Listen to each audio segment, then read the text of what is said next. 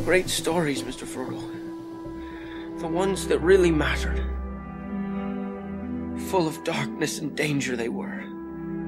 And sometimes you didn't want to know the end. Because how could the end be happy? How could the world go back to the way it was when so much bad had happened?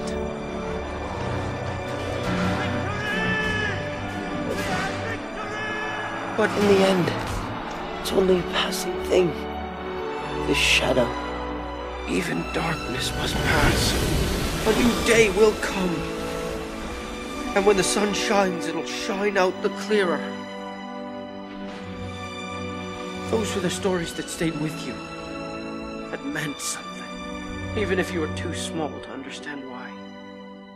Hej och välkomna till Fulkultur, den folkbildande och sedelärande podden från Geeks Publishing. Välkommen Emil Åkered från uh, Sveklockers. Tack så jättemycket. Kalle Johansson Sundelius från FZ. Hej hej. Jakob Nilsson från 99 Mac. Hallå hallå. Hej. Jag heter Joakim Benett. Hörrni, det här avsnittet har suttit jättelångt inne. Om inte annat för att jag, det ligger så, ämnet ligger mig så varmt om hjärtat så jag har liksom inte riktigt vetat hur vi ska greppa det här. Uh, vi ska prata fantasy idag. Men för att det ska bli liksom åtkomligt, det är ju så enormt. Så det ska bli åtkomligt så har jag tänkt att vi ska helt enkelt prata om den bästa fantasyn. Mm. Bästa fantasyn. Annars hade vi kunnat säga snöat in oss på olika genrer och modern fantasy, gammal fantasy, high eller low och sådär. Men vi gör ett försök helt enkelt att ta fram det bästa. Det göttaste. Men jag tänker så här att innan vi börjar så ska vi reda ut lite begrepp i alla fall, för vi kommer antagligen slänga oss med lite sånt. Uh, då tänker jag att den här fantasy-konnässören måste man väl ändå säga, Jakob Nilsson, Va? att du ska förklara kan, kan inte du börja med att förklara skillnaden mellan high och low fantasy? Ja, jag kan ju försöka. Ja, men prova. Uh, jag har förstått det som att man brukar prata om high fantasy och low fantasy som en ganska så här, första genreindelning egentligen. Sen finns det många undergenrer, men egentligen kan man väl säga att high fantasy är den här klassiska tolken fantasyn. Det är liksom magiska ringar och det är världens öde står på spel och det är liksom gamla profetior och allt är väldigt episkt och stort. Episk det ord jag också skulle ha. Ja, medan low fantasy är lite mera fokus på eh, huvudpersonernas egna problem och det är lite mindre skala liksom. Mm. En kompis till mig sa att ju, ju smutsigare huvudpersonerna är, desto mera low fantasy är det. Mm. Det är inte liksom ofta kungar och gamla trollkarlar utan det är Alver. mera, ja, precis. Kanske en bonde och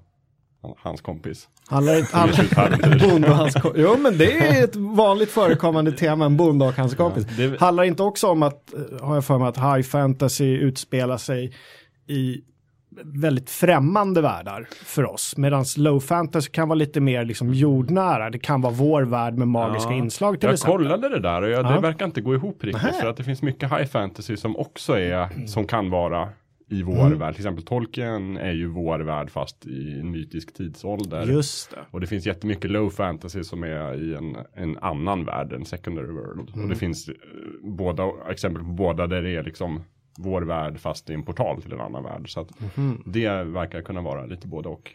Ja, men, men ska vi då för enkelhetens skull gå på ditt spår där att så att säga high fantasy är den lite mer episka tomtar och troll? Mm. Ja, jag så. tycker det, det blir enklast Ja. så. Sen jag personligen gillar ju low fantasy. Jag brukar blanda ihop den väldigt mycket med, med en genre som heter pikaresk, alltså en pikaresk roman. Som är en sån här gammal eh, litterär genre från eh, Don Quixote tror jag var den första. Det vill säga det är små kortare berättelser där det handlar om just en, en ganska skurkaktig, ofta person, en vagabond som ger sig ut i världen och reser och upplever äventyr. Pikaresk. Japp. Grymt. Emil och Kalle, vad har ni för förhållande till fantasy? Ja, det här med förhållande alltså. Nej, men fantasy har alltid varit, eh, för mig är det någonting jag, jag läste väldigt mycket när jag var yngre framförallt. Eh, jag är liksom uppväxt med fantasy. Så det är, eh, det är mitt förhållande och framförallt så handlar det om, eh, om böcker för min del kan man väl säga. Det är först på senare år, senare decennier som har börjat mer åt film eller tv-serier och sånt. Utan jag, jag plöjde mycket i de här Eddings och så, den typen av, av fantasy när jag var, när jag växte upp. Så det, det har varit en eh, ständig följeslagare. Det är egentligen först på senare år som jag har tappat lite läsandet så att säga. Herregud. Ja, men det känns lite som att fantasy var instegs, alltså inkörsporten till mycket tyngre läsning. Alltså man läste ju de här fem böckerna och lite enklare korta liksom novellerna. Men när det väl blev tjockare, liksom riktiga romaner, då var det fantasy bland de första böckerna jag läste i alla fall. Uh, och jag vet att min mamma läste till exempel Sagan om ringen för mig redan när jag var fem år gammal. Jag blev jätterädd för uh, svarta vålnader och allt möjligt. Men, uh, ja, men som en inkörsport till tyngre läsning helt klart. Mm. Vad tyckte du om Tom Bombadil när du var fem år gammal? Jag tyckte det, alltså det, sånt var roligt och liksom alla de här då tyckte inte det var lika konstigt som alla de här sångerna som man, man själv läste böckerna senare. Eh, liksom alla de här sångavsnitten, de var ju liksom bara en, en, ja. en trevlig avbrytning från ja, Man går väl själv, själv omkring och sjunger ganska mycket när man är fem år. Så. Ja, men precis. Mm. Mm. Inkörsport alltså. Men hur kommer det sig, du var inne på det, det är väldigt ofta man pratar om fantasy, så tänker man så här instinktivt på litteratur, eller hur? Mm. Och det är ju någonting med fantasy också, att de är så, så otroligt alltså, tänk i alla fall, väldigt tjocka böcker jämt. Det är, det är inga små, liksom, eh, små, det är klart det finns små noveller också. Man tänker sig de här episka verken, gärna på liksom fem volymer. Mm. Det tar liksom aldrig slut. Ligger det på något sätt i fantasyn kärnan att är det bra, då, då, äh, vi kan stanna kvar i den där världen hur länge som helst tror det ligger mycket i det. En del där är väl att fantasy ofta handlar lika mycket om själva världen som om personerna i världen. Mm. Och då tror jag som författare så blir det nog lätt så att det bär iväg. Liksom. Man mm. börjar säga, oj men då ska jag skriva om tusen år historia och den här delen, det här landet ska jag återkomma till. Mm. Det är väl Tolkiens skugga som faller liksom långt där. Ja men världsbyggandet och, och de här resorna som nästan alltid företas i fantasy. Det är, alltid, det är aldrig, väldigt sällan i alla fall, åtminstone i äldre fantasy när de står kvar på samma plats som håller. Eller hur? Utan det är, de ska, det är någon episk resa. Att de ska det är alltid väldigt något. långt att gå. Ja. Mycket gående är väldigt viktigt. Ja, det blir nästan övertydligt i David Eddings böcker tycker jag. Där man verkligen märker till slut att okej, okay, de här huvudpersonerna kommer att besöka varenda land som finns på den här kartan. Om Ed inte i den här boken så i nästa bok. Eddings böckerna, är det Belgarion? Ja, jag läste också den mycket när jag var lite yngre. Är det, men sagan är det det han är mest känd för? och sagan om Malorea. Och... Ah, sagan om Millenien och eh, sagan om, oh, vad är den Tamuli. Sista? Tamuli, ja, precis. Var det Tamuli som var spjuthög? Ja, det är Lenien och Tamuli som ja, är spjuthög. Mm. Mm. Men eh, vi är fyra stycken här, det är, vi är två stycken som aldrig slutade läsa fantasy och två som läst väldigt mycket förr men inte lika mycket idag. En sorts liksom, grundförutsättning för det, samtalet. Det är vi mot er. Ja, ja men det klassiska kampen mellan gott och ont. på något sätt. Vi får, vi får se vem som, vem som har hårigast fötter. ja, det är nog jag. Ja. Men, men Kalle, när, när du var ung då, minns du vilka de första liksom ordentliga böckerna? Som alltså det, det som jag kan minnas det är just David Eddings böckerna. Eh, första fem böckerna om eh, Sagan om Belgarion som, mm. som serien heter. Va? Eh, alltså de fem böckerna plöjde jag på fem dagar. Jag, jag hade tråkigt en vecka så jag läste en bok om dagen. Mm. Jag tyckte de var så fantastiska. Um, nu, alltså jag blev lite sugen, jag hittade de här böckerna hos mamma när jag var där för några dagar sedan. Uh, jag är inte lika säker på att de håller idag. De känns väldigt ungdomliga mm. uh, på det viset. Och jag menar, Sagan om Maloria som är den andra serien kändes väldigt mycket som en upprepning av den första serien redan man läste den då med unga okritiska ögon. Uh, samtidigt som jag, jag, är lite nyfiken på återvändande. Nu vet jag att Emil hade dem på engelska så man kanske ska läsa dem på originalspråket. Jag mm. läser dem på svenska då. Mm. Men det är ett av de riktigt första starka minnena eh, om, om fantasy förutom Sagan om ringen. Mm. Sagan om ringen eh, läste man ofta kanske lite senare. Jag minns att jag läste The Hobbit före Sagan om ringen. Den är lite mer lättillgänglig. Eller hur? Men om man går ännu längre tillbaka, jag minns att mina första minnen, jag vet inte, man, man måste kunna klassa det här som fantasy, men det är när jag läste eh, Bröderna Lejonhjärta mm. och Mio min Mio. Det måste ju klassas som fantasy. Absolut. I allra ja, högsta grad. Astrid Lindgren. Mm. De kan jag fortfarande när jag sätter på de har ju släppts på Spotify nu alla Astrid Lindgrens böcker. Så jag brukar spela upp dem för min, för min son. Uh, han ligger, på, ligger och vilar. Får han lyssna på dem där. Mm. Uh, han börjar ta till sig dem lite sakteliga. Jag har inte vågat köra Bröderna Lejonhjärta det var en väldigt modern sak att säga. De har ju släppts på Spotify. ja, men det är ju jättehärligt och, och tillgängligt. Alltså man Absolut, kan börja ja. där istället för att sätta dem framför, framför tvn, dumburken. Så kan man liksom ja, här, lyssna på en saga och sen mm. så kan man börja läsa. Mm. Ja, det är kanon. När jag var liten hade vi ju dem på kassettband. Det är ju lite samma sak. Ja, det. Det, det hade vi ju. Mm. Star Wars, det, det är någon sorts, eh, det är inte det, man klassar inte det som fantasy, men det är också science fiction, mycket av den här episka science fiction, det är också samma, de här teman är ju gott mot ont hela tiden och resor och man företar sig. De går inte lika mycket i Star Wars däremot. Nej. Om man ska. Nej, jag- anledningen till att jag tog upp Star Wars, jag, lyssnade ju på sådana kassettband där. Ja, Det- det. ja. Men kolla på liksom storyn i Star Wars och liksom temana och sånt så är det ju my- nästan mera fantasy än science fiction. Även om det genremässigt placeras in i science fiction. Men hörni, man, vi, vi ska komma tillbaka till vilka, vilka ni började läsa, men många tänker ju så här, men Tolkien, han var ju först liksom. Men var han först? Jag hörde faktiskt, det var lite intressant, jag låg och försökte somna i natt efter att min dotter hade kommit in klockan två på natten och, och sagt pappa inte sova.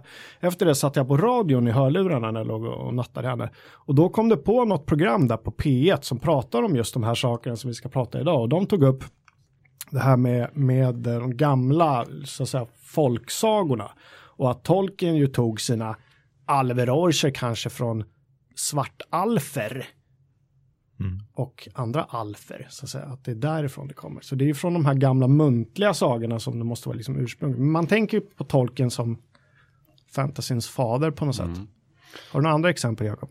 Alltså jag vill gärna tro att, eh, vad heter han, Robert Howard som skrev Conan var lite tidigare ute. Om man pratar just om fantasy som, som litterär genre. Annars om vi ska gräva i rötterna så dels är det ju naturligtvis folksagorna och gamla myter. Men också skulle jag säga den gotiska traditionen, den gotiska romanen och sådär.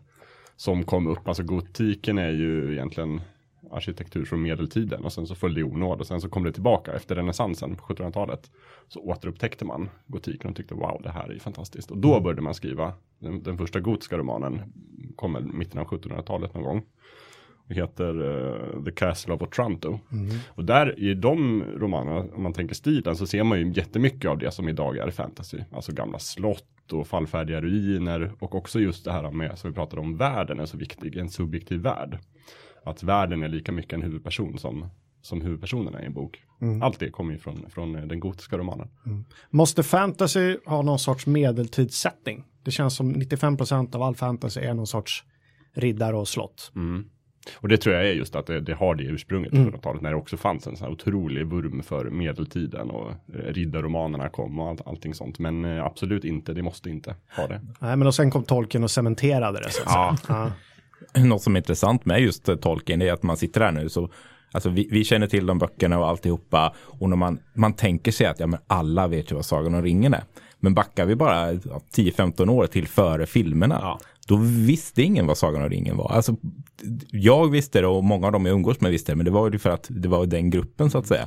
Men generellt, folk har inte läst Sagan om ringen. De har ingen aning om vad det är. Men det är inget som läses i, i skolorna direkt, va? eller? Om man inte har Nej. tur att ha en lärare som tipsar en om sånt. Utan anledningen att Sagan om ringen nu känns så etablerat och ja, klart alla vet vad Sagan om ringen är. Det är filmerna mer än böckerna, verkligen. Och nu ska vi inte vara sådana, men en, en, en panelundersökning skulle nog visa en överraskande eh, stor procentdel som inte har någon aning om att filmerna är baserade på böcker överhuvudtaget. eh, skulle jag tro. Ja, för mig var inte Sagan om ringen liksom det första fantasy jag läste, utan jag började läsa tror jag typ Narnia-böckerna och kanske Astrid Lindgren och sådär. Och då var ju Sagan om ringen var en sån här konstig bok som stod på biblioteket som man såg och sen så gjorde jag några tappra försök att läsa den, för det var ju en spännande karta i början och det var uppenbart att det var någonting bra. Men det var lite krävande så att jag tror jag började som tioåring och det var för svårt. Sen så väntade jag något år och typ, när jag var 13 tror jag jag liksom kom igenom dem första gången och, och blev fast i dem. Jag tror jag läste Hobbit som, ja men måste ha varit där runt 8, 8 9, 9 års åldern kanske. Sen försökte jag mig också på resterande böcker, men jag tror jag började med Silmarillion och det var ju helt, det var ju dödfött. Det tog mig, jag tror det tog mig tio år att plocka upp den sen igen, men Sagan om ringen knäckte jag där strax efter. Emil, vad, vad, vad började du med? Du nämnde, Jag tänkte nästan, eh, jag tänkte lite som dig egentligen med Astrid Lindgren-böckerna. Men eh, jag insåg nog att jag läste nog dem ganska sent egentligen. Utan jag såg filmerna före jag, jag läste dem. Eh, och då, då var jag inne på mina Kalles spår med, med Eddings. För att jag läste Eddings väldigt, väldigt tidigt. Jag började, du började med Belgarion-böckerna. Jag började med ja, Spjutverk-böckerna då. Eh, men sen när jag verkligen tänkte efter så tror jag att det första som jag läste som nog kan klassas som fantasy, det var en väldigt, väldigt lång serie som heter Sagan om Isfolket. Eh, och när jag tänker efter, det är nog tusen fantasy. Eh, jag har inte någonsin klassificerat det som det, men det är ändå det är hela grejen med det är magi och lite mystiskt och sådär. Och det utspelas ju inte i någon form av medeltida värld, utan modernt, eller över väldigt lång tid egentligen, började på ja, 13-1400-talet, det var väldigt länge sedan jag läste mm. de här böckerna. Och sen ända utspelar sig då över ja, 40 böcker kanske, fram till modern tid. Och det var nog faktiskt den första ordentliga fantasyserien som jag eh, bet tag i. Av den enkla slumpen att eh, min mamma råkade gilla dem och hade alla böckerna hemma i bokhyllan. Och någon gång plockade jag bara upp den första och sen mm. så, så rullade det på. Och det var nog först efter det som jag egentligen började läsa Eddings. Så Sagan om Isfolket alltså. Det, det, var oväntat till och med för mig själv. de, de har inget, ingen koppling till den här Sagan om Björnfolket med någon form av halverotisk eh, hemmafrus eh? Nej. nej, nej. Jag blandar alltid ihop dem. faktiskt. Det ena är väl någon form av stenålder ja, ja, precis. scenario. Ja. En annan sån här serie, jag kommer ihåg att jag läste, men jag minns inte så mycket av den, så jag tänker kolla om någon annan kommer ihåg vad det faktiskt handlade om. Det är ju de här uh, Ursula Le Guin och uh, Övärlden hette det, jag läste på svenska trollkarlar, någon trollkarl, det är någon, mm. ja, en övärld. Mm. Minns du Jakob? Ja, jag har läst några av dem. Eh, jag kommer inte riktigt ihåg vad handlingen går ut på, men det är ju definitivt en av de här, eh, jag tror den kommer från 70-talet mm. någon gång, alltså efter tolken egentligen. Men så kom ju en hel hög av, av idag ganska kända liksom fantasyverk, mm. bland annat då Trollkarlen från den världen. Grav... Mycket magi, drakar och sånt. Ja, gravkamrarna i Attuan och sånt där minns jag att jag läste. Mm. En stor behållning. Men sen har de helt försvunnit ur mitt medvetande förrän jag började liksom researcha lite inför det här.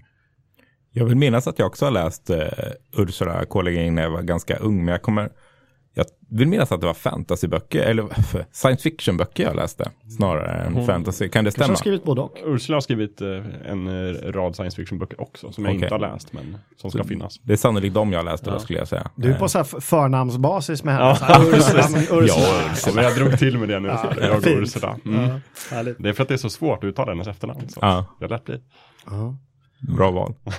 Jag tyckte det var intressant när du sa om att liksom de böckerna som finns hemma är kanske de som man oftast slinter in i mest. Ja, men vi hade Sagan om ringen hemma och eh, Eddingsböckerna. Men nu känner man lite ansvar som förälder nu att liksom, vilka böcker har man hemma och vilka, vilka ska man liksom mm. föra över till nästa generation. Mm. Samlade The Walking Dead-banden. liksom... Nej, jag, jag tror inte det är okej okay, alltså. Man får börja kolla de nedersta hyllorna som ungarna ser. Ja, precis. mm, vänta här nu. Men allting är ju på padda nu liksom, så jag vet inte. Ja. Jag kommer ihåg att jag hade en period, det här måste varit på, kan vara på 90-talet när jag plöjde de här eh, Forgotten Realms och Dragon Lance pocketarna. Mm. Det, det, finns ju liksom hundratals. Det var ju då böcker som skrevs för att bygga på de här rollspelsvärldarna Forgotten Realms och Dragonlance som är något Dungeons and Dragons. Jag spelade aldrig de rollspelen, jag körde vanliga Drakar och Demoner. Men sen, jag fick något beroende av de här böckerna. Dragonlance som eh, börjar med en, en trilogi som, som följer två tvillingbröder, en magiker och en krigare, Raislin och hette han Cameron eller vad hette han? Nå någonting sånt där. Eh, och så är det någon liten hobbit-liknande varelse som heter Tasseloff Burfoot. Och så är det någon en dvärg såklart som heter, jag för mig att han heter Flintfire Forge. eh, och, och, och, de, eh, det är ju väldigt basic, det är ju Tolkien fantasy rakt av fast mycket, mycket enklare. Men jag slukade de här böckerna, alltså jag, kunde, jag köpte liksom hela högar och det, de skrivs ju fortfarande de här. Grejerna. Och likadant med den här Forget, Forgotten Realms-världen, där var min inkörsport eh, en saga som heter Icewind Dale-trilogin, som det även blev spel av. Ja, det blev det Dragonlance också för den delen. Uh, och där var ju huvudpersonen en, eh, en Dark Elf som heter Drist Du Urden som har blivit någon sorts ikon. Han är liksom en av de allra mest berömda av de här uh, high fantasy karaktärerna. En svart alv som blir adopterad av en, en dvärgkung och hans dotter som är människa och så någon barbar där som, och så slåss då. Det är så, allt liksom. Och så är det episka krig mellan, mellan underjorden och överjorden och det är troll och det är grejer. Liksom. Fan, alltså, fantastiskt, fantastiska stories. De rekommenderar jag om man vill ha lite så enkel sommarläsning. Vad gäller den typ av böcker så var det väl ganska mycket det här rollspelsförlaget, Äventyrsspel, som gjorde en riktig kulturgärning och gav ut dem på svenska. Aha. Inte bara dem, dels för, för tolken och så, det fanns ju på biblioteket, mm. men det är, det är väldigt svårt att föreställa sig idag, men typ sent 80-tal, tidigt 90-tal, det fanns ju inte liksom fantasy-genre på det sättet i biblioteket. Men man Jag- kunde jag läste dem på engelska. De här böckerna. Jag tror det var TS, Ja. TSR var väl med och gav ut dem har jag för mig som jag. För jag var lite för ung för att läsa dem på engelska då, men jag Mm. liksom fick upp några av de här äventyrsspelböckerna. Och jag tror det var både de här Drakar och Demoner och Dragonlance-romanerna, också de första Pratchett-böckerna gavs ut eh, på det förlaget. Och eh, äldre fantasy, typ så här Fard och Gråkatt och Conan Mm. och de här. Så, och hittade man dem så det var liksom en inkörsport för mig definitivt. Terry Pratchett är ju någon sorts humoristisk fantasy. Kan inte någon för förklara storheten i hans böcker för mig? För jag har verkligen försökt hur många gånger som helst och ta mig in i de där eh, serierna från, från liksom olika håll. Discworld, eller hur? Mm, mm. Med, med den här världen som vilar på, på, på ryggen av några sköldpaddor, eller elefanter. Elefanter som står på en Elefanter. sköldpadda. Just, som står på en sköldpadda. Världssköldpaddan. Stora, Och det är väldigt- stora. Ja, och det är väldigt så här, brittisk humor som jag gillar annars. Men de där böckerna har jag liksom aldrig riktigt fastnat för. Ja, nu, ja, Pratchett är fint. Det gillar Ja, jag. men vad är storheten då? Det är ju humorn mycket tycker jag. Alltså, Mm. Världbygget i sig är ju, det är ju en fantastisk värld som, som finns. Men framför allt det som jag tycker lyfter böckerna, det är den här humorn och att han driver med allt och alla. Och eh, alla, det, det är ju skrivet för att vara roligt att läsa. Och, och det, det tycker jag det är. Jag tycker han verkligen får fram det egentligen genom alla böcker. Till skillnad från alla böcker som det ska vara ett lidande att Ja, men, lite, men ibland blir det så här, alltså, det, här, det, här är, det här är tungt men det är väldigt bra. Men här är det, det är liksom konsekvent lättsamt ändå skulle jag säga på ett kul sätt. Och framförallt så är han väldigt duktig på att göra roliga karaktärer. Jo, nej, men precis. Dels så är han ju väldigt rolig. Det är roliga dialoger, det är liksom härliga karaktärer. Men också att han liksom, han dekonstruerar ju både de tidigaste böckerna, mest fantasy-genren och rollspel och sånt där. Och i senare böcker dekonstruerar han ju nästan vad som helst. Mm.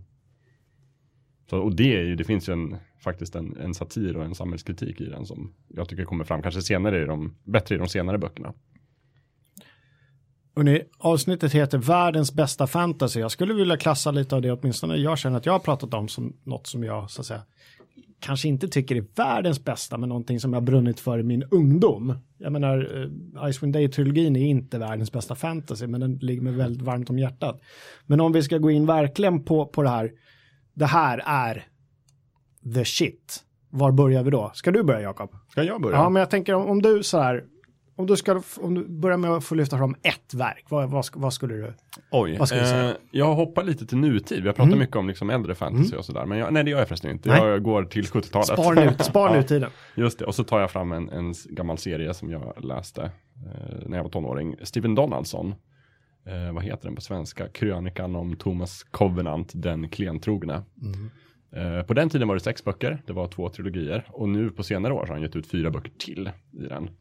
Eh, riktigt så här 70-tals deppig fantasy. Allting går fel.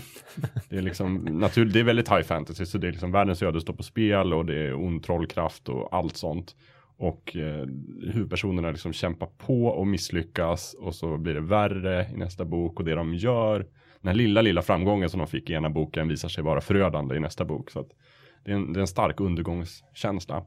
Och mycket också av det jag sa tidigare, att man ser rötterna i den gotiska romanen, att det är liksom, världen är intimt sammankopplad. För, för Thomas Covenant är, kommer från vår värld och dyker upp i den här fantasyvärlden. Och tror väldigt länge att han bara drömmer. Och så. Men, men världen är tätt eh, förknippad med honom så att han har eh, spetälska så att han är sjuk. Och det påverkar också världen där. Så att säga. Just den spänningen tycker jag är väldigt intressant.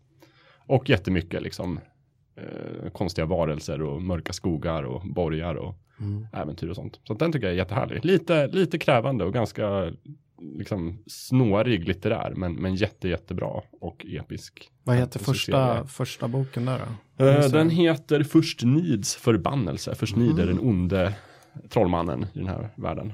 Så Först Nids förbannelse. Så det är där man ska börja. Där kan man börja. Kalle då?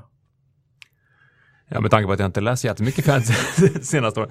Ja, men jag vill ändå slå ett slag för, alltså det känns ju lite mainstream, men jag tycker ändå att eh, om eh, Peter Jackson liksom verkligen fick fantasy eh, att fungera i en modern värld med och göra det med lite, lite mer, ja men lite mer mainstream med filmerna så tycker jag att eh, George R. R. Martin har plockat upp den stafettpinnen. Även om, om hans verk påbörjades redan på 90-talet så har ju liksom hela, hela det här världsbygget fått en helt nytändning i med serien som kom ut för snart fem år sedan. Det är Game of Thrones du pratar om nu. Game of Thrones, ja, precis. Eller mm. A Song of Ice and Fire om man läser böckerna. Just det.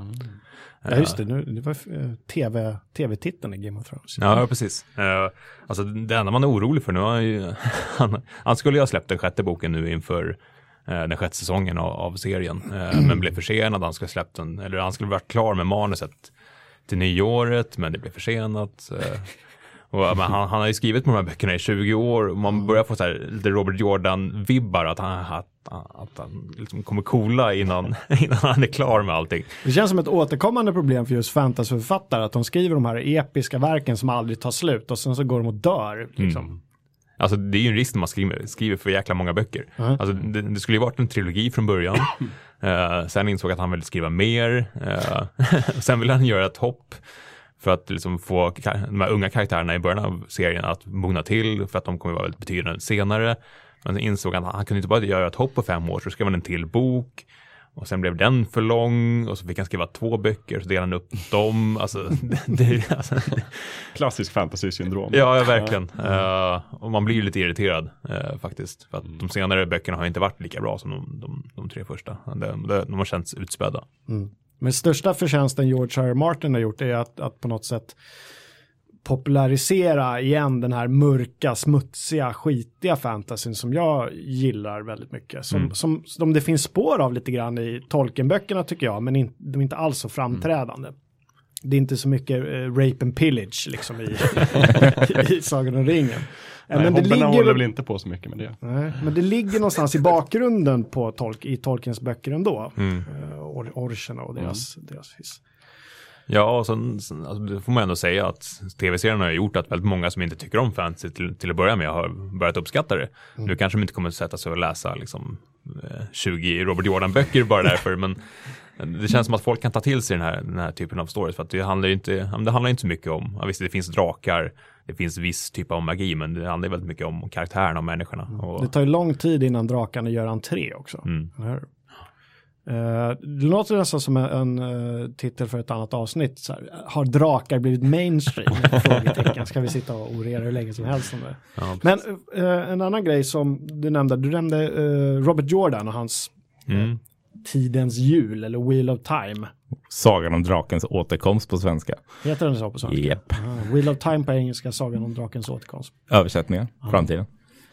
Hur många böcker blev det till slut? Alltså, jag vet det. 40 000 miljarder. Nej, men eh, det, det är jättemånga böcker och varje bok på engelska är ju två på svenska, because ja, reasons. det, det, där gör de ofta på svenska, att de delar upp. Mm. Jag tror det är kanske för att översättarna ska få mer tid på sig. Mm. De översätter halva och sen. Mm. Men problemet med Jordans böcker är ju att eh, om man säger så här, eh, jag har läst nästan hela serien. Eh, den är jävligt tråkig i mitten. Alltså. Det går inte att komma ifrån. Och då dessutom när böckerna är då uppdelade, för första gången jag läste den var det på svenska, då kan den första halvan, det kan, det kan vara en bok där det händer, det här är ingenting. Det är ingenting på en hel bok, för det som faktiskt, det lilla som händer i den boken på engelska, det är den andra mm. delen.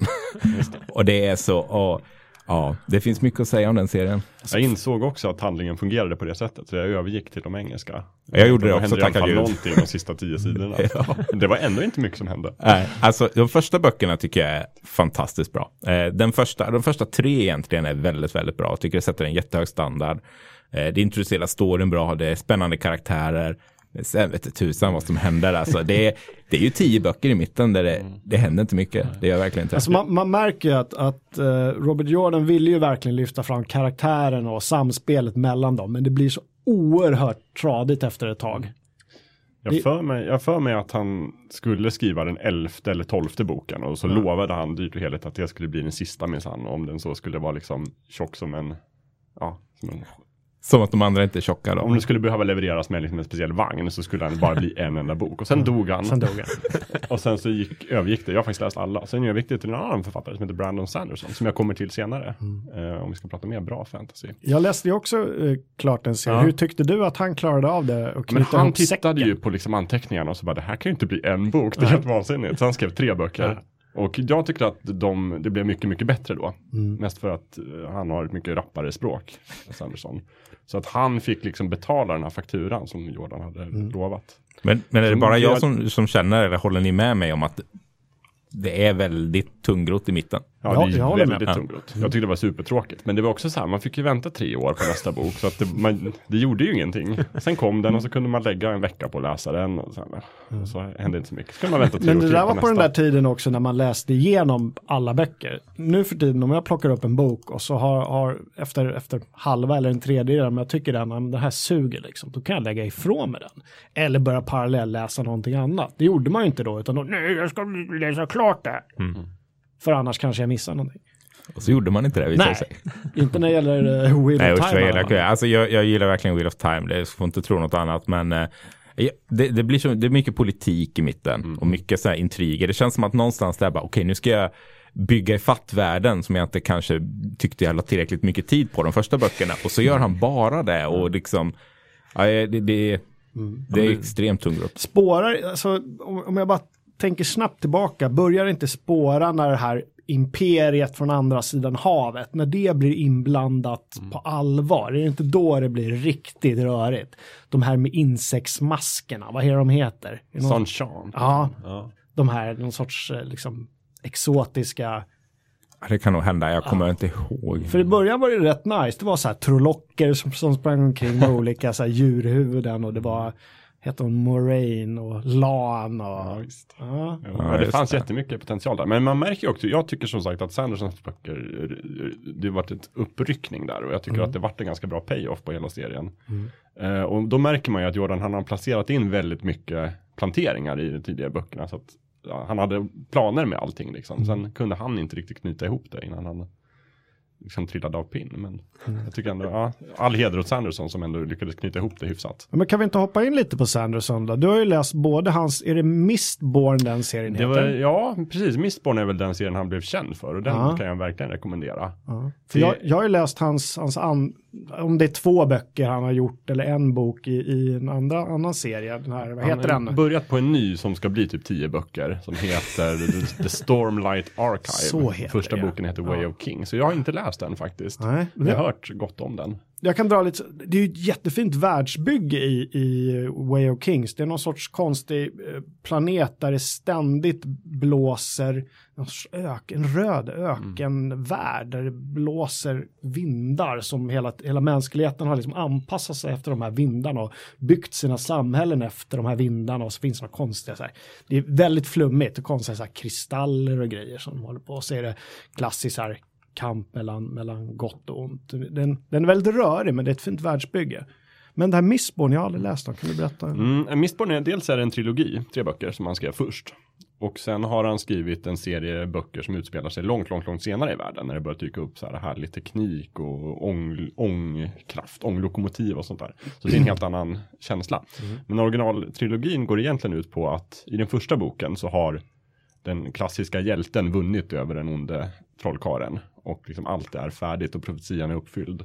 Och sen så handlar det om vad som händer sen. Hur han liksom misslyckas med att styra riket och hur den liksom ändå gradvis förfaller ner i liksom dekadens och mörker. Så att det är en ganska intressant koncept att den, liksom, den vänder upp och ner lite grann det här klassiska fantasy-scenariot. Sen gillar jag Mistborn just för att Sanderson har ofta väldigt genomtänkt magisystem i sina böcker. I Mistborn så är det tror jag man kan, liksom, människor som är trollkunniga kan förtära olika metaller och liksom få krafter på det sättet. Så att han har ofta någon sån här liten twist på det. Jag gillar ju annars de eh, böckerna där magin inte är så jätteframträdande eller att det är någon, någon sorts urkraft mer än att de står och rabblar formler och har trollspön och grejer. Det kan lite mer lättillgängligt när man inte riktigt förstår vad det är som ligger bakom. Det tyckte jag Eddings gjorde ganska bra i sin, sina Belgarian-böcker, att det var viljan och ordet. Som liksom, att, det var, att det var någon som ville någonting väldigt mycket och sen kom det med ett ord så blev det då magi. Jag tyckte det var ganska lättförstått för en liksom, 12-13-åring. Låter lite preussiskt nästan.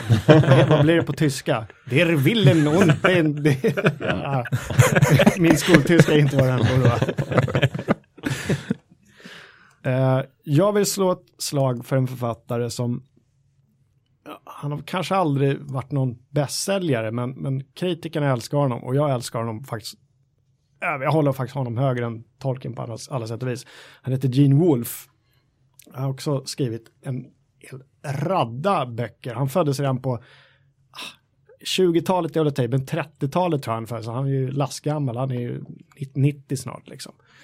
Eh, och han har skrivit en sorts blandning mellan sci-fi och fantasy. Uh, han rör sig mycket i en, en, en subgenre som heter liksom, Dying Earth-genren kallar, kallar de den för. Uh, och hans, hans första serie när jag hoppade in i, som jag vet också att jag har försökt kränga på Kalle, du ska få berätta om din upplevelse efter jag har dragit lite. Ja. Gör det. det är Book of the New Sun-serien som börjar med Torterarens skugga, tror jag den heter på svenska. Jag läste den på engelska. The Shadow of the Torture. Och det är alltså någon sorts väldigt, väldigt, väldigt långt in i framtiden. Där, där jorden, eh, eller solen håller på att dö.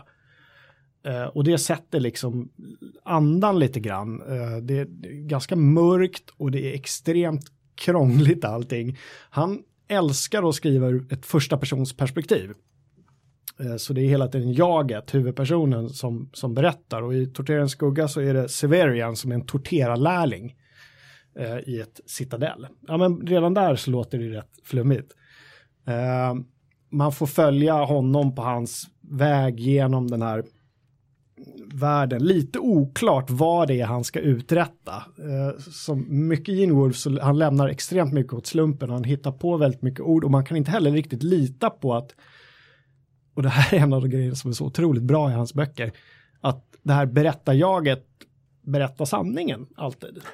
Och det här förstod jag inte första gången jag läste Trädens skugga, utan jag var tvungen att läsa om första boken och ta mig in i andra serien och sen läsa lite om Gene Wolfe för att mm. haja att nej men, det här kanske inte är med verkligheten överensstämmer, alltså det han säger, utan det kanske det andra karaktärer säger som är det som stämmer. Och redan här börjar det bli lite rörigt och det är kanske därför Kalle som du har haft lite problem att komma in i den här serien.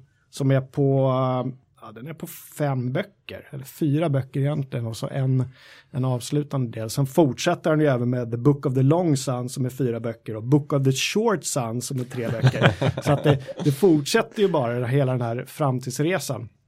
Kalle, varför, varför kommer du inte in i Torterarens skugga för? Men alltså, han, han skriver på ett väldigt, väldigt speciellt sätt. Mm. Um, jag tror inte det är så mycket första personsperspektivet som gör det, men alltså, han, jag, jag har svårt för författare som krånglar till det. Mm. Alltså, om man till exempel Eddings är ju väldigt lättläst. Uh, Tolken var ju också, alltså det var, det var ju lite krångligt, man läste dem lite senare i livet, men alltså Gene Wolf tar ju det här till ytterligare ett steg. Att Ja, men det, det, är inte mycket rakt på sak. jag, jag, tycker om den minimalismen på ett sätt. att ja, men, Skriv vad du menar. Um, men samtidigt så förstår jag att, att han har någonting, alltså med den här tekniken så kan han liksom uppnå en viss typ av, av berättelser. Och man förstår ju att det händer väldigt mycket liksom runt om i världen. Um, men att, nej, alltså det, det är krångligt. Alltså det är tredje försöket. Jag, jag mm. påbörjade den igen igår just för att vi skulle spela in det här avsnittet idag. Uh, nu har jag faktiskt läst ett helt kapitel. Mm.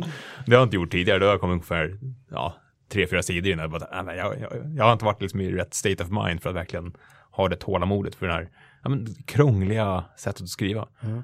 Ja, han, han, kan ju slänga sig med jättekonstiga ord som han inte förklarar. Han mm. kan säga eh, eh, namn på en varelse som finns i den här världen som han inte beskriver mer kanske att den låter på ett visst sätt och som benämns på något, något ord som är helt främmande. Och så bara förutsätter han att, att man själv får liksom bygga sin egen bild. Också en av tjusningarna tycker jag med, med Gene Wolf, att han överlåter så otroligt. Han ställer liksom lite krav på dig som, som läsare och det kan jag uppskatta. Men de är knöliga att komma igenom. Mm. Men det är värt det. För när det väl lossnar, då rinner det bara på. Jag har ju läst nästan alla hans böcker i den serien nu. Men så, nu blir jag lite orolig när du säger att det är liksom 10 plus böcker.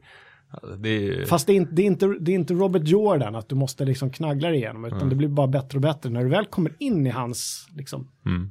Men finns det tänka. ett slut på, på berättelsen? Uh, ja, det finns det. Ja.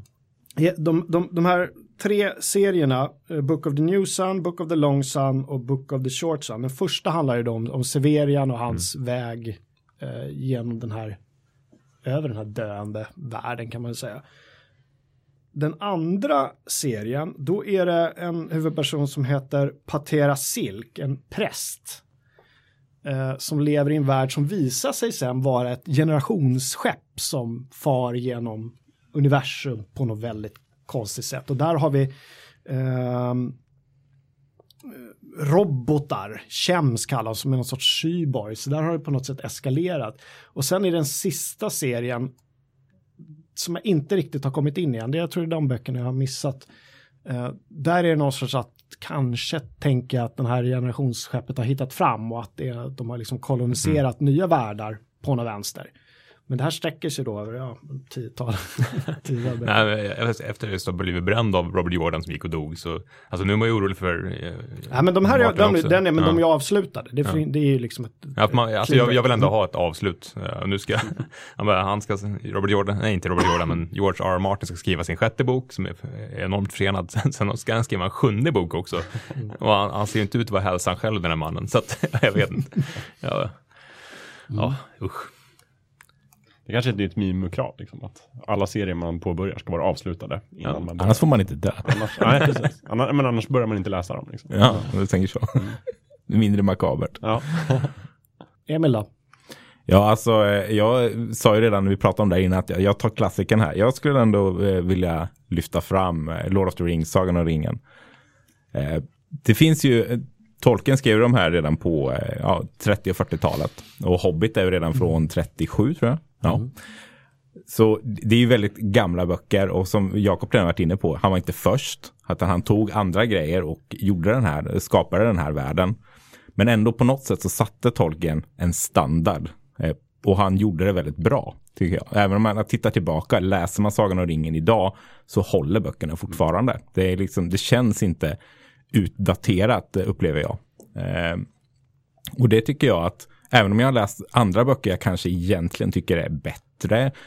Och även om jag eh, har läst om andra världar som jag tycker är mer komplexa och mer intressanta. Så på något sätt att helheten han gör och det han skapade det gör. Det, det är ändå, det är den bokserien. Om det är någon säger, men jag måste läsa den här fantasyn innan jag blir jordgubbe. Mm. Ja, men ja, du måste faktiskt läsa Sagan om ringen. Ja, men lite så. Ja, men om du, om du har sett filmerna då, har du någonting att liksom hämta ur böckerna? Då? Oh ja. Mm. ja, det var, en, det var en retorisk fråga. Ja, men verkligen. Alltså filmerna. Jag tycker det är bra filmer, absolut. Eh, men jag tror att som vanligt man uppskattar filmerna mer om man inte har läst böckerna innan. Eh, men det blir det här, men varför, varför är inte Tom Bombadil med? Va? Varför är inte han med? Han har gjort sig jättebra på Men eh, första filmen följer väl boken hyfsat ändå. Men sen så spårar det ju en del och det är det ska vara CGI, det är mycket viktigt med effekter. Det ska mm. åkas på elefantsnablar och sådär. Men om vi, om, vi ska, om vi ska ranka böckerna, jag, skulle, jag håller ju den första boken som den allra bästa, den är överlägsen de andra tycker jag, medan andra säger att ja, det är konung, konungens återkomst, där är stora krig och det som är häftigt. Vad, vad skulle du säga, vilken bok? Jag tycker den första är fortfarande den, mm. den bästa också. Jag, på något sätt, den sätter standarden i standarden lite. Eh, och Hobbit är ju helt annorlunda. Både skriven och hur den är upplagd och allting. Det är ju mer en barnbok skulle jag säga. Och, och det är väl skriven som en barnbok också om jag vill minnas rätt. Eh, medan eh, Sagan om ringen-trilogin är mörkare. Sen ett problem med Sagan om ringen, både för mig och för många andra är att första gången jag läste den var på svenska och det var vad heter han, Åke Omarks översättningar. Det är en het debatt om de är bra eller dåliga. Eh, man kan väl sammanfatta, det finns vissa brister hur man använder, typ att vissa saker är genuint fel. Eh, han har, han har liksom inte förstått och översatt fel. Det finns väl vissa passager där det bara, det, meningen innan och efter hänger inte ihop. Det, det här stämmer inte. Det, Eh, sen har han ju även tagit sig väldigt mycket konstnärliga friheter med att översätta vissa saker från engelska till svenska. Eh, har du några jag, exempel? Jag har inga exempel i huvudet, men det är alltså namn och ord och mycket sånt. Eh, mm. Jag kan på sitt sätt tycka att det är ett vackrare språk inom citationstecken. Det är ett äldre språk och det, det, det jämfört med den nya översättningen och det klingar bättre. Men samtidigt det är ju faktiskt inte vad Tolkien skrev. Eh, så enkelt är det. Tolkien Bara, själv var ju inte helt nöjd med hans översättning. Han var ju inte det. Han hade ju lite koll på nordiska språk så han tyckte det här Han var språkprofessor ja, och historiker. Han har ja. många strängar på sin lyra, Tolkien. Bara en sån grej som att Omark döpte det till Härskarringen. Mm. Fast egentligen handlar det ju inte om ring. Alltså titeln han spelar inte på ringen. Den han spelar ju på Sauron som är ringarnas herre. Eh, så redan där gick det ju skevt liksom. Samtidigt så har du ju one ring to rule them all. Härskarringen, eller hur? Lite jo, grann så här, ja, så jo. inte helt ute och cyklar. Nej, nej, det är han inte, men, men någonstans ändå. Olmarks eh, översättning ligger ju mig väldigt varmt om hjärtat, för det var, ju den, det var ju den jag läste och det är den jag alltid kommer tillbaka till. Jag började faktiskt läsa de här nyöversättningarna, men det följer direkt på, Jag skulle ha otroligt svårt på, att läsa dem. på Frodo Säcker. Ja? Säcker heter han. Ja, men hur kan man göra en sån sak? alltså, det- Alltså, ja. det är ju, jag är jättesvårt för nyöversättningen också ska sägas. Jag vet Erik Andersson som har gjort dem. Men de är ju skrivna, inte bara för att det är en ny översättning, utan de är skrivna i ett eh, 2000 fe- plus språk i allmänhet. Alltså alla ord som är lite gammaldags klingande är ju borttagna. Så det är inte bara att namn är ändrade, utan alltså hela, jag tycker det tar bort en del av känslan eh, av, serien, eh, den, den typen av översättning. Men sen så ska det ju framhållas någonstans att vill man verkligen uppleva Sagan om ringen ska man ju läsa den på engelska. Så enkelt är det. Det är en oändligt mycket bättre bokserie på engelska än vad den är i, i svensk översättning oavsett vilken översättning det handlar om. Jakob, du, håller du Silmarillion högre än, än Har jag sagt det då? Nej, jag vet ja. inte. Nej, men jo, jag, Silmarillion är min favorit. Ja. Faktiskt. Det är, den är ju, anses ju lite mer onödig att läsa, men jag tycker att den är fundamental för att förstå. Men, men är det inte just intrikata det den är? Är det inte mer som ett, det känns som ett uppslagsverk ibland? Ja, fast samtidigt Tolkien, det var, för honom var det ju Silmarillion han jobbade på. Det var ju det som var hans magnum opus. Liksom. Sen det här Sagan om ringen var ju bara en berättelse som han skrev i den världen som han jobbade på i liksom 30-40 år och aldrig blev klar med. Så, så att, men jag, jag tycker ju att Silmarillion är fantastisk för att den är så otroligt episk och den, den kan liksom skriva. Den är inte så lång och inte så jobbig. Och den beskriver ändå liksom en hel världs tillblivelse och historia. Väldigt många namn. Ja, men det får man ha. Man får, man får ha sitt, vara ja, precis, namn. man får ha sitt appendix där. Precis, och- det finns ju och- tack vare, tack och lov i boken. Ja, det gör ju det, eller hur? Jag kommer ihåg det. Ja, nej, men jag gillar Silmarillion för att det- mer den här lite mytiska approachen. Det är gudar och det är liksom alvernas eh, familjefejder och allt sånt. Jag gillar det. Men Sagan om ringen är ju otroligt bra. Så det, jag, jag vet inte om jag minns fel, men det som jag tyckte var så himla häftigt när jag läste Sagan om ringen själv första gången, det var just att, menar, att, att det är först i liksom slutskedet av boken som man får verkligen förstå att det här är våran värld, fast under en mytisk tid som du beskrev det. Det, det, hade ju, det hade man inte förstått innan, men just att liksom, ja, men, han beskriver bara liksom kort och ganska flummigt hur, hur individualismen liksom tar över och förstör allt det här som en gång var vackert. Det, det var en, så här, ja, men en, en känsla som lämnade mig när jag hade läst klart böckerna som var otroligt häftig. Och det saknas ju helt i filmerna kan man ju säga. Eh, faktiskt inflika där att eh, om jag minns rätt hur sista filmen slutar så är det ju före hela den biten som kommer i böckerna. Det slutar väl med att de står på den där klippan och alla är glada eller? Ish. Nej, det är, någon har- form av, eh, det är någon form av litet efterspel. Filmen har ju typ 13 slut. Så slutar ju, första gången slutar den ju när de har slängt ringen i lavan och spoiler. Och så Alla, på precis, alla reser sig i biosalongen. Så, nej! Ja. Sen slutar den igen när han blir kung där. eh, Men sen dör han ju Aragorn. också och Arwen står Ja. är ledsen. Precis, då slutar den igen. Ja, och sen det. så seglar de iväg till odödliga Ja, just det, då slutar i den- det är så det Och, slutar. och slutar inte där heller. Utan Sam åker hem efter det. Ja, just det. Och slutar med att och han skriver en Ja, bok. det är så kanske är. Ja, gud. Du har rätt i. Jag, jag förlåt, jag Ja. framhävde, framhöll fel slut av dessa Ja, tolv. det. Men det slutar i alla fall inte som boken. Nej. Eh, gör det inte. Oavsett. Har någon av er läst eh, Kingkiller-serien? En ganska ny serie av en kille som heter Patrick Rothfuss. Jo, ja, det är den. Name of the Wind. Mm. Precis, Just det, ja. Jag har läst precis. första delen. Som jag tror har översatts till svenska om man vill ge sig in på det spåret. Den är, den är fantastisk om man ska prata lite modernare fantasy. Handlar om en, en kille som heter Quoth, eller Kvoth, jag har ingen aning om man uttalar det. Han sitter i alla fall och han, är, han är en känd, han är magiker, han är svärdskrigare, han, är, han kan spela musik, han är någon sorts eh, all, allkonstnär. Han sitter i sitt värdshus med sin medhjälpare och berättar sin historia, sin berättelse om antagligen då hur han till slut mördar någon kung. Det här ska bli en trilogi, men det har kommit två böcker. Det är liksom indelat så sätt att varje bok är en dag i hans berättelse. Han sitter och berättar den sagan. Och den, den skiftar också mellan då tredje person och första person. Första person när han, när han så att säga, berättar hur han växer upp bland ett resande folk och så kommer det några ondingar och, och slaktar dem och sen eh, hamnar han på ett universitet där han lär sig eh, magins konster och, och språk och andra grejer. Och sen så växlar det tillbaka till när han sitter i, i nutid då kan man säga, i tredje person i det här värdshuset och berättar den här historien. Och det här ska sammanflätas på något sätt på, på slutet. Han har tagit väldigt, väldigt lång tid på sig, Rothfuss, att skriva de här två böckerna. Jag tror den första kom, om jag inte minns helt fel, eh, 2007.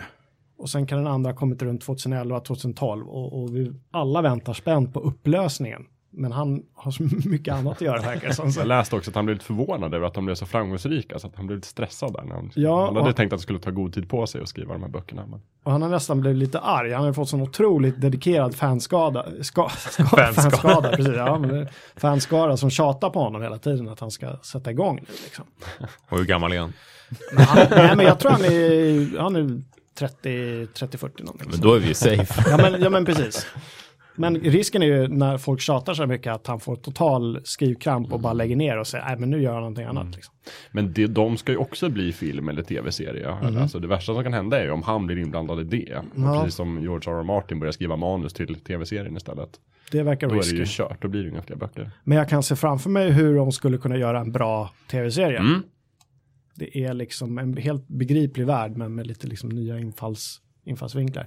Förresten, apropå eh, Robert Jordan, skulle inte Wheel of Time bli film och tv-serie en massa gånger? Jo, i senaste tio åren i alla fall. Ja. Men eh, jag Nu vet är den inte vad som händer där. avslutad, folk kanske blev så eh, trötta på det där slutet som äh, vi struntar i det. Men Hade de inte några härliga år i Hollywood när de gjorde fantasy hur mycket som helst och Mm. sen så var det några som floppade och nu har det lite gått ur luften. Mm. För de skulle göra, jag tror det var Narnia-filmerna tänkte de ju filma alla och sen Mm. så vart den inte så bra de sista och så skulle de göra den här, äh, jag kommer inte ihåg vad den heter, någon uh, barn-fantasy-serie skulle de också göra tio filmer av och så Mm. floppade först, alltså då, då slutade de lite med det men Och så kom det här Shannara nu på MTV Ja, som är någon sorts, liksom, jag vet inte, The OC fast fantasy. det nya verkar ju vara att göra tv-serier på fantasy Ja. istället. Så jag Det känns jag som ett jag- mer passande format när det Ja. finns mer tid att berätta. Tekniken har väl hunnit ikapp också lite så man kan göra hyfsade specialeffekter även på en tv-seriebudget. Men Mm. Shannara har jag inte så mycket gott att säga om för övrigt. Den var ganska larvig. Det är ingen Ja. som har nämnt Harry Potter än eller? Nej, Den är jättebra. det Jag kanske är någon form av nästan eget avsnitt. Jag vet inte Ja, riktigt. det är ett eget avsnitt. Det har jag i alla fall föreställt mig. Jag vet inte om jag skulle lägga Harry Potter som världens bästa fantasy, men, men Mm. det är klart värt att läsa igenom. Jag har faktiskt inte gjort det, men jag, jag planerar att läsa dem för barnen sen när de blir Mm. äldre. Och på så sätt uppleva liksom dem tillsammans med dem. Filmerna däremot, herregud alltså.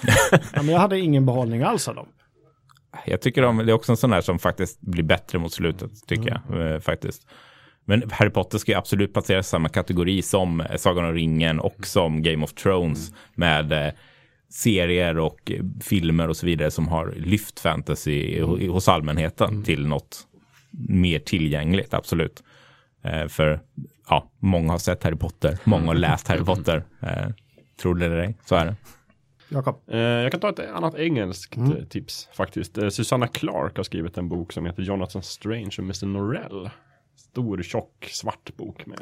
Den är tjock. Väldigt vacker ut. Ja, riktigt bra tycker jag. Väldigt, väldigt, väldigt engelsk. Den är skriven i lite så här Jane Austen-stil. Mm. Lite sådär härligt eh, berättande. Lite snårig att läsa och jättemycket fotnoter. Mm. Så här så att ibland är liksom fotnoterna tar upp mer plats på sidan. men de är ju en del av berättelsen också. Ja men det är ju sätt, det. att- Och det är liksom det är massa kringhistorier och sidohistorier och paralleller som de berättar i de här fotnoterna. ja. Det är en väldigt intressant värld. Kan, kan du Ja. bara lite snabbt dra? Eh, det är vår värld Mm. faktiskt, fast på 1800-talet. Mitt under Napoleonkrigen tror jag, så det är väl typ 1812 någonstans. I, eh, i London, England då förstås. Mm. Och eh, det finns ett folk som är teoretiska magiker som sitter och läser gamla böcker om, om magin från forna Mm. ja, för dagar magin har funnits men den har Magi har försvunnit funnits i men. Mm. försvunnit och folk, så det är mycket litterärt intresse. Så här. Det är gamla gubbar som sitter och läser om magi.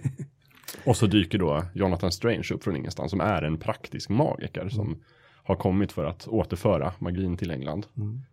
Men den är också lite, den är lite underfundig i den här Ja. boken, eller hur?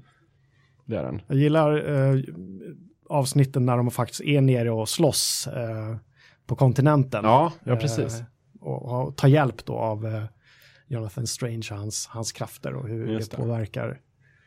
Nej, vänta, Mr. Norrell är det som är Mr. den Norrell första som som kommer. Sen kommer Jonathan Just. Strange med en annan magiker som är är mera en, en doer. Han är liksom mera det blodet. Just det, de Men det är båda, båda de två. De blir lite antagonister de. Deras vänskap och antagonism. Mm. Men det har också gjort faktiskt en jättebra BBC-miniserie. Om man inte orkar läsa den här boken Mm. så finns det en helt okej eh, tv-serie. Var kan man få tag på den då? Den finns i, jag vet inte, England. Säkert på DVD på science fiction-bokhandeln.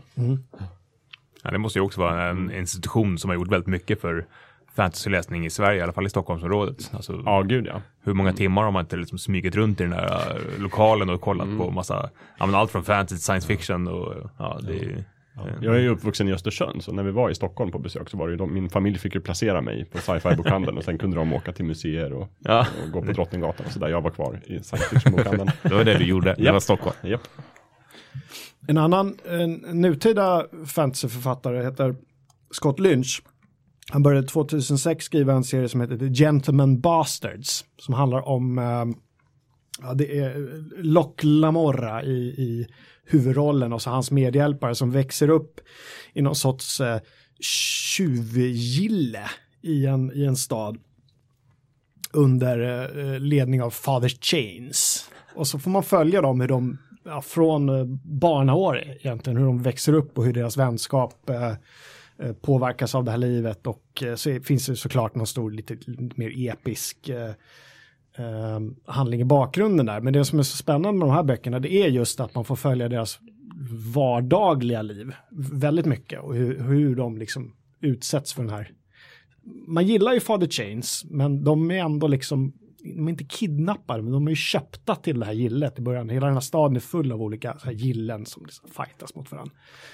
Um, det har kommit tre böcker. Den första handlar om när de är i, i den här staden Camordo och växer upp. Och sen finns det en bok som heter eh, Red Seas Under Red Skies som är lite mer pirat. De åker ut på haven och de slåss. Och sen tredje bok som heter The Republic of Thieves där de är en, en stad som lite Venedig-aktigt känns det som. Och det är, ma- det är deras, liksom, deras heists som man får följa. De, de gör liksom olika kupper och olika sådär. Den, den rekommenderar jag faktiskt. Scott Lynch. Mhm. Gentleman Bastard-serien. Kanske inte världens bästa, men en, en av de nutida bästa jag läst faktiskt. Väldigt spännande. Jag skulle ändå vilja snurra tillbaka lite. Vi var inne lite på Terry Pratchett förut, men ändå. Eh, Ju mer jag tänker på det så, eh, om man ska prata om riktigt bra fantasy som ändå är väldigt tillgänglig, kanske för alla utom Jocke, så, så är Pratchett-böckerna, eh, ja, de är väldigt lättlästa, det är lätt att komma in i dem och det är lätt att ha roligt eh, om man då uppskattar hur det är skrivet. Eh, karaktärerna är liksom ganska roliga från start och även, det blir mer satir som Jakob säger längre fram och så, men det, det är ändå väldigt tillgängliga böcker och de är genuint bra. Det är, det är ett bra världsbygge och många av dem har ju också blivit eh, film och tv-serier eh, över åren om man uppskattar sånt. Bland annat då de första Discworld-böckerna som är, eh, vilken var det, Call of Magic va? Och eh, The Light Fantastic som den andra delen, egentligen är det väl två delar av samma bok kan man säga. Som eh, är filmatiserad så här klassiskt brittisk filmatisering är väldigt eh, svår. Jag fick väl kanske inte ett jättebra kritikermottagande men jag som uppskattar böckerna tycker ändå att filmatiseringen är helt okej. Ändå ganska stora namn va? De drog med. Eh, bland annat vad heter han? Sean Austin som är eh, Sam i Sagan om ringen eh, är med och är Two Flower. Jaha, är det Ja, han som spelar honom? Kul. Eh, Så det, är- det, det, ja, han är med där också. Och även Christopher Lee är med som röst till döden. Så det hänger ihop med, med Sagan om ringen. Christopher Lee. Mm. Något han inte har varit med i. Lite så. Men sen bara just med Terry Pratchett när han, när han dog här 2015 så hade han ju på förhand dikterat tre tweets som gick ut. Eh, bland, där den första då var skriven med versaler. Eh, för döden pratar alltid versaler i hans böcker. Eh, väldigt mysigt och väldigt Terry Pratchett. Eh, så, Han, hans, hans dotter skriver väl eh, stories för, för tv och datorspel. Ja, precis. Rihanna Pratchett.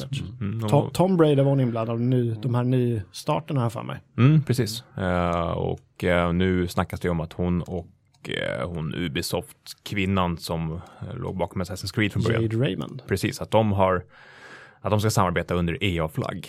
Och de har ju då Star Wars-licenser, så man hoppas ju att de två tillsammans ska göra något Star Wars-episkt berättelse. Men tillbaka till eh, Pratchett. Det känns som att det är så himla många karaktärer och det har ju skrivits böcker liksom med alla deras olika synvinklar. Som, var, var ska man börja någonstans? Jag rekommenderar nog ändå att börja från början skulle jag säga. Börja med Call of Magic och Light Fantastic. Om man nu vill ge sig in i Disco. Alltså det som håller ihop den här serien är 40-tal böcker va? Som är ju Discworld. Sen är det väldigt mycket olika grejer som utspelar sig i Discworld. Men, men eh, börja från början Och eh, för eh, Two Flower och eh, Rincewind är det väl som är med. Det, det, är ändå två väldigt bra karaktärer. Vilken bok är bagaget med? The Luggage? Det är samma. Är det samma? Ja. Mm. Men det är en sak jag tycker är väldigt bra med Pratchett. Det är, just, det är som sagt väldigt många böcker, men de är ganska fristående. Mm. Så att om man man kan egentligen börja med vilken som helst. Jag skulle också rekommendera kanske att man börjar från början. Men vill man inte läsa alla böcker så kan man definitivt bara ge sig in i en av dem. För att han har skrivit liksom en hel subgenre. Vissa handlar om kanske nattvakten i, i den här storstaden Ankh-Morpork. Och sen finns det andra som handlar om just Rinswind och Two Flower. Och vill man läsa dem så kan man läsa deras, det är kanske tio böcker. Mm. Personligen så älskar jag ju de böckerna som handlar om häxorna uppe i, i vad heter det, Lanker. Ja, just det. Gammal, liksom lite så här nordiska vibbar uppe i en liten byhåla uppe i bergen. Mycket häxor och liksom inspirerade av Macbeth och fantastiska böcker. Jag tycker Nattvakt eh, är också väldigt bra. De, ja. Det är, ja, var länge sedan jag läste dem, men jag kommer ihåg att jag, jag gillade dem väldigt mycket. Så som sagt, det som håller ihop är mera världen mm. och sen är det olika berättelser i som utspelar sig i världen, som i sig kan vara ganska, ganska olika. Och sen fastän döden är med i alla böcker så finns det ju också några böcker som, som där han är huvudpersonen och de är också tycker jag, helt otroliga. Döden är en väldigt rolig karaktär ja. genom hela serien. Jag som har lite svårt för Discworld vill ändå lyfta fram, det finns ett tv-spel som heter, eller datorspel som heter Discworld Noir, som mm. ett gammalt äh, äventyrsspel. Just det. det skulle jag väl som en liten ja. detektiv story i, ja. den här, i den här världen. Ja, det är väl typ tredje Discord-spelet. Ja, det kanske det är. Mm. Men de gjorde ju två vanliga peka och klicka-spel som jag tyckte var ganska mm, bra. Det här är också lite peka och klicka. Och sen Discord Noir är mm. jätte, jättebra. Mm. Fint spel. Undrar om det finns att få tag på och funkar på moderna datorer. Ja, kanske. Ska jag nästan kolla upp sen när vi kommer tillbaka till redaktionen. Steven Erickson, har ni läst hans böcker? Malasan Book of the Fallen, där kan vi snacka rörigt. där har vi, där är det är tusentals namn och det är, det är fantasy som koncentreras rätt mycket på stora, stora krig. Det är ett stort imperium som ska krossas och det är så väldigt, väldigt episkt men extremt blodigt också. Mm. Då, då är det böcker som kan vara lite svåra att ta sig in på. Jag tror jag tog med igenom den första på tredje försöket. Jag skulle inte vilja hålla den som världens bästa men ändå värt att, att lyfta upp kanske. Däremot American Gods, om man vill ge sig in i, i någonting som inte är en lång serie. American Gods av, av Neil Gaiman. Som är ju en klassisk low, low fantasy skulle man vilja säga. Det är vår värld, men det är en värld där gudar finns någonstans i bakgrunden. De exist gudar och varelser existerar bara så länge människorna tror på dem. Och hela premissen för American Gods är att en, en um, herre som heter Mr. Wednesday Eh, går runt i den här världen med sin eh, livvakt Shadow som han får ut ur fängelset och de två tillsammans ska ge sig i kamp med de, de nya gudarna, de ska väcka de gamla gudarna för att slåss mot de nya gudarna som är då ja, teknik och internet och sådär. Eh, och få folk att börja tro på de här gamla gudarna igen. Och Mr. Wednesday, det är ju såklart eh, onsdag, det är ju Oden då visar det sig efter ett tag, mm. utan egentligen att spoila någonting. Så det, den är jättebra. Men hur, hur slåss Oden mot internet? Ja, men internet kommer ju, alltså, tekniken kommer ju i form av någon sorts gudar. Aha, okay. Eh, och så finns det så här The Men in Black och det här modernare som Neil Gaiman föraktar så mycket. Ja, det låter intressant. Bra skit. Mm. Mm. American Gods. Har vi något mer då? Innan vi, innan vi ja, men mitt sista tips blir, jag nämnde det förbigående förut, men eh, Fard och Gråkatt mm. av eh, Fritz Leiber. Också en sån här klassisk low fantasy-serie. Mm. Handlar om två personer med de namnen som utspelar i en stor stad som heter Lankmar. Verkligen så här, det är typ en, den ena av dem är en krigare och den andra är en spinkig magiker och sen så har de olika schemes för sig och försöker egentligen bara överleva och lura folk och lite skurkaktiga sådär. Mycket dråpliga äventyr. Grå, vad sa du, gråkatt? Ja, precis. Fardo gråkatt. Eller Fardo Grey Mouse tror jag de heter på engelska av någon anledning. Mm. Ja, det är ett annat djur. Översättningar for the win. Ja, verkligen. Mm. Ja, men de är bra. De, jag, jag läste dem också just i den här äventyrsspelsutgåvan. Mm. som kom på svenska. Men sen det finns tror jag, fler böcker på engelska. Men den första boken jag läste heter, heter Svärd i Lankmar. Och är också, tror jag, en mängd kortare berättelser just hur de har sina äventyr där i den här staden. Mm. Om vi tar, för att knyta ihop säcken lite grann, en sista runda där man bara säger titeln på den absoluta favoriten. Då kan du liksom inte säga alla Sagan om ringen-böckerna, Emil till exempel. Du måste välja. Men det har du redan sagt. Du sa... Fellowship of the Ring. Fellowship of the Ring. Kalle? Om då säger jag den första eh, boken i Song of Ice and Fire. Ja. Och Jakob? Eh, då säger jag Jonathan Strange och Mr. Norrell. Den, den är bra, Ja. eller hur? Jag, jag läste den när jag var föräldraledig. Jag satt mycket på fik. Då Ja. satt jag och plöjde den där. Den var perfekt. Och det är små fina illustrationer. i den också, Ja, men hur? precis. Ja. Ehm, jag måste nog säga ändå uh, Tortera en skugga av Dean Wolf. Alltså. Den är ju bra när man tar sig igenom. Du sätter lite press på mig. Du sätter press på alla här tror jag. Alla som lyssnar också. Men jag vill också bara innan vi avslutar slå ett slag för eh, China Mieville och hans böcker. Jag började att läsa Perdido Street Station som är någon sorts sci-fi, fantasy, kanske lite så här steampunk-aktigt. Det är en, det är en, ehm, en stor stad där, eh, där den här stationen Perdido Street Station är i mitten och det är någon sorts det ångar och det ryker och det är konstiga varelser som inte heller förklaras riktigt. Det är någon sorts flygvarelser som finns och det finns artificiella intelligenser som springer omkring och det är så här luftskepp och det är en milis som åker omkring i vagnar uppe på en räls i luften. och det det han är väldigt så här, han är extremt välskrivet också. Ehm, han är någon sorts, han är väldigt politiskt intresserad också, känner vi väl. Så de som är intresserade av socialismen och sånt, han är väldigt inne på det. Så det, den får många, många lager i den här, i den här boken. Perdido Street Station. Det känns som att vi har öppnat upp för ett, eh, ett, om ett avsnitt för, om just bara ångpunk. Ja, herregud. Jo, men det var också en av mina tankar. Hur, hur går man vidare? För vi vill ju såklart prata mer fantasy i, i fullkultur. Frågan är då, vad, vad, blir, vad blir nästa steg? Det kanske är att, att vi koncentrerar oss på någon viss årgång eller någon viss genre. Vi har ju faktiskt inte alls i stort sett nämnt fantasy i spel i det här avsnittet. Så det kan man också, det finns ju mycket som är unikt till, till spel, som världarna är uppbyggda där, som är, som är fantasy. Men det är ju lite det vi pratade om i början, att, att när man pratar om fantasy är det oftast böcker och det ligger ju i att det är oftast bäst i bokform på något sätt, där du målar upp din egen, annars är det någon annans bild av den här världen som målas upp. Och speciellt tv-spel gör ju det ofta ganska, ganska taffligt, speciellt att det finns ju begränsat utrymme för att berätta en story i, i dator och tv-spel. Eh, men absolut, Baldur's Gate har vi till exempel. Vi kan ha ett helt avsnitt om varför fantasy är bäst i Ja, bokform. faktiskt. Det kan vara. Ja. Kom- då vi skulle vara så alldeles för överens bara. Det är liksom, Ja, men vi, jag kan ta en annan position. Som en diskussion. Något som skulle vara lite intressant bara innan vi slutar, om man bara får, eh, vi har tagit upp det här, något som vi tycker är absolut bäst, men om man ska rekommendera någon som inte är inne i fantasy överhuvudtaget, alltså, och jag vill komma igång, vad ska man börja med för bok? För det skulle jag säga, det skulle inte vara eh, Fellowship of the Ring. Då har jag ett tips som man kan börja med om man är lite, om man inte är ett barn. Det är ju The Witcher-sagan. Den är lätt, den är lättskriven men ändå, det är väldigt mycket tolken. Han har blivit, And, Andrei Sapkowski har blivit anklagad för att sno typ allt. Men det är många författare som har gjort det, så jag tycker inte det är så stort problem. Men den är lättillgänglig samtidigt som den har det här mörkret. Eh, och att det finns en anledning också, framförallt för huvudpersonen Geralt of Rivia, The Witcher, eh, som går runt och har som yrke att döda monster. Så det finns hela tiden anledning till att saker och ting hänger, eh, händer i, den där, i de där böckerna och i spelen. Annars är det ju spels problem ofta att varför är man ute? Varför är The Chosen One och springer och jagar kycklingar? Varför? Men i The Witcher finns hela tiden anledning. Han ska döda monster och få pengar och stålar för att han kan överleva. Det är en jättebra första bok och då ska man nog läsa The Last Wish först som är en samling av små berättelser. Den tror jag. Sätt igång med den. Är man barn tycker jag man kan börja med David Eddings någonstans. Och är man lite äldre tycker jag nog man kan ta Patrick Rothfuss, eh, Name of the Wind. Faktiskt. Bra ingångspunkt. Ja, jag skulle också säga Eddings om man är lite ungdom. Eh, Det känns som att de här Tamuli-böckerna är kanske lite eh, mognare eh, om spjuthök. Eller har jag fel? Det var, det var så himla länge sedan man läste de här böckerna.